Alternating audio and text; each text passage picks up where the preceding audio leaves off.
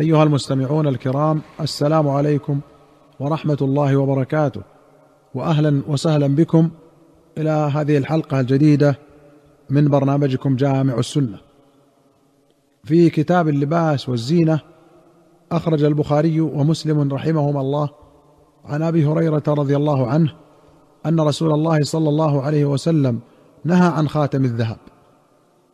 قوله نهى عن خاتم الذهب أي للرجال كما بينته الأحاديث الأخرى. وأخرج مسلم عن ابن عباس رضي الله عنهما أن رسول الله صلى الله عليه وسلم رأى خاتما من ذهب في يد رجل فنزعه وطرحه وقال يعمد أحدكم إلى جمرة من نار فيطرحها في يده؟ فقيل للرجل بعدما ذهب رسول الله صلى الله عليه وسلم خذ خاتمك انتفع به. قال لا والله لا أخذه أبدا. وقد طرحه رسول الله صلى الله عليه وسلم. قال النووي فيه إزالة المنكر باليد لمن قدر عليها وفيه تصريح بأن النهي عن خاتم الذهب للتحريم وقول الرجل لا والله لا أخذه ابدا. وقد طرحه رسول الله صلى الله عليه وسلم فيه مبالغة الصحابة رضي الله عنهم في امتثال أمر رسول الله صلى الله عليه وسلم ولو أخذه لم يحرم عليه لأنه نهاه عن لبسه فقط لا عن غيره من وجوه الانتفاع. وأخرج مسلم عن علي رضي الله عنه قال نهاني رسول الله صلى الله عليه وسلم أن أجعل خاتمي في هذه أو التي تليها. لم يدر عاصم في أي الثنتين. قال وأومأ إلى الوسطى والتي تليها. ونهاني عن لبس القسي وعن جلوس على المياثر قال فأما القسي فثياب مضلعة يؤتى بها من مصر والشام.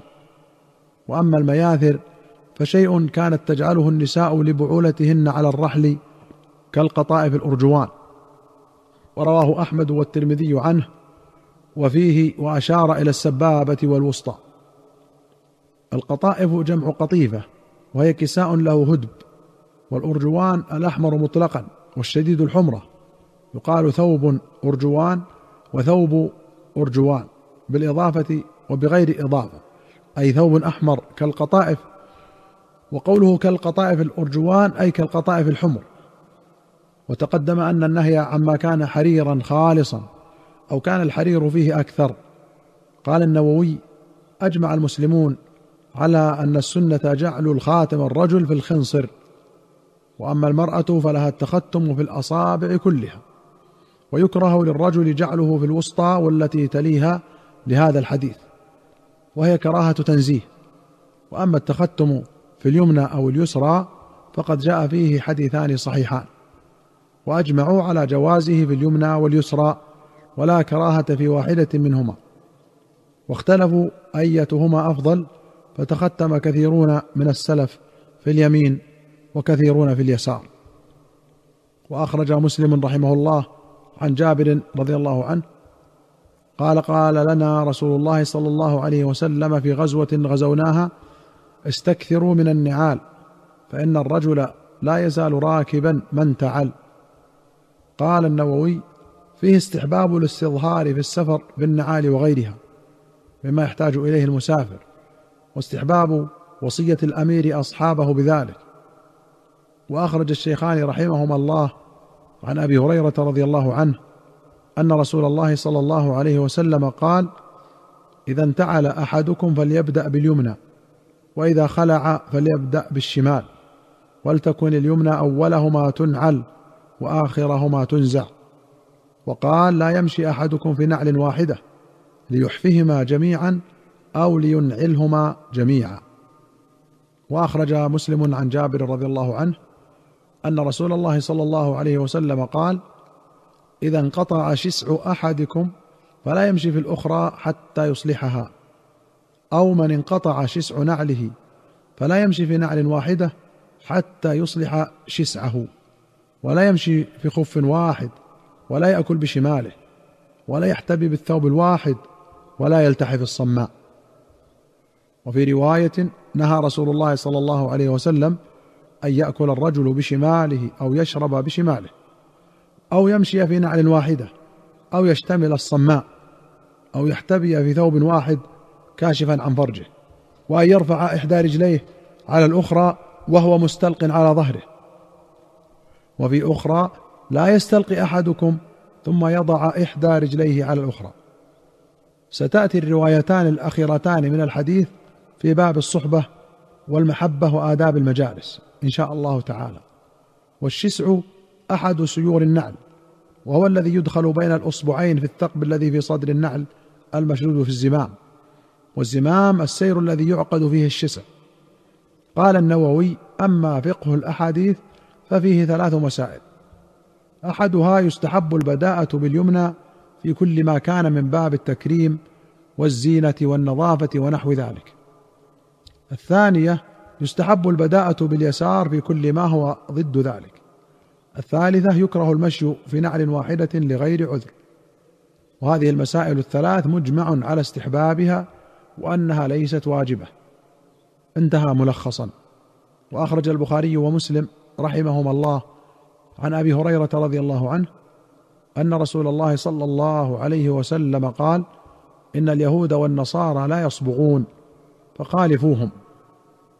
وأخرج الشيخان عن أنس رضي الله عنه أنه سئل عن خضاب النبي صلى الله عليه وسلم فقال لو شئت أن أعد شمطات كن في رأسه فعلت.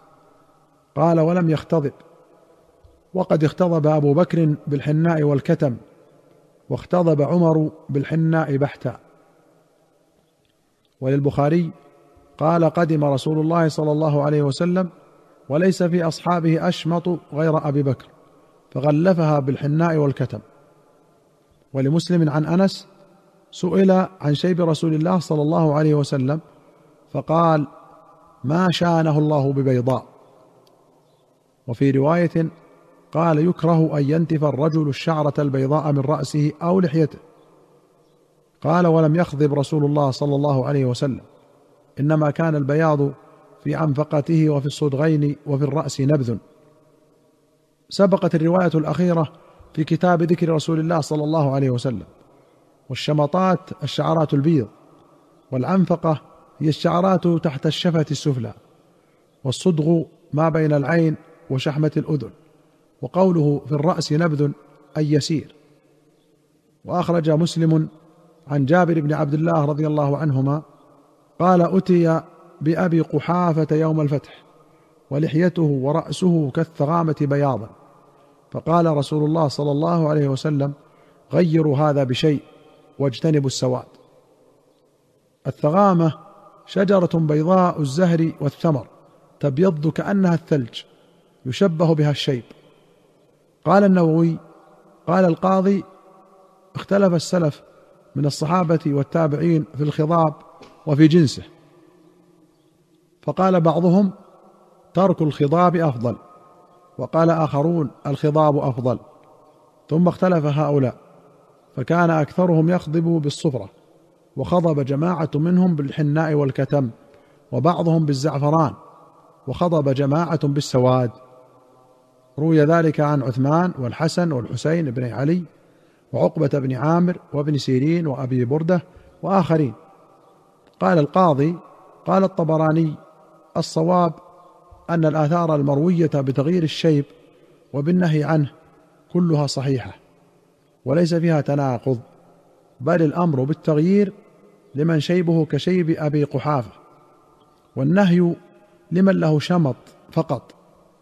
قال واختلاف السلف في فعل الأمرين بحسب اختلاف أحوالهم في ذلك مع أن الأمر والنهي في ذلك ليس للوجوب بالإجماع. ولهذا لم ينكر بعضهم على بعض. قال ولا يجوز أن يقال فيهما ناسخ ومنسوخ. أيها الإخوة المستمعون إلى هنا نأتي إلى نهاية هذه الحلقة. حتى نلقاكم في حلقة قادمة إن شاء الله. نستودعكم الله. والسلام عليكم ورحمة الله وبركاته.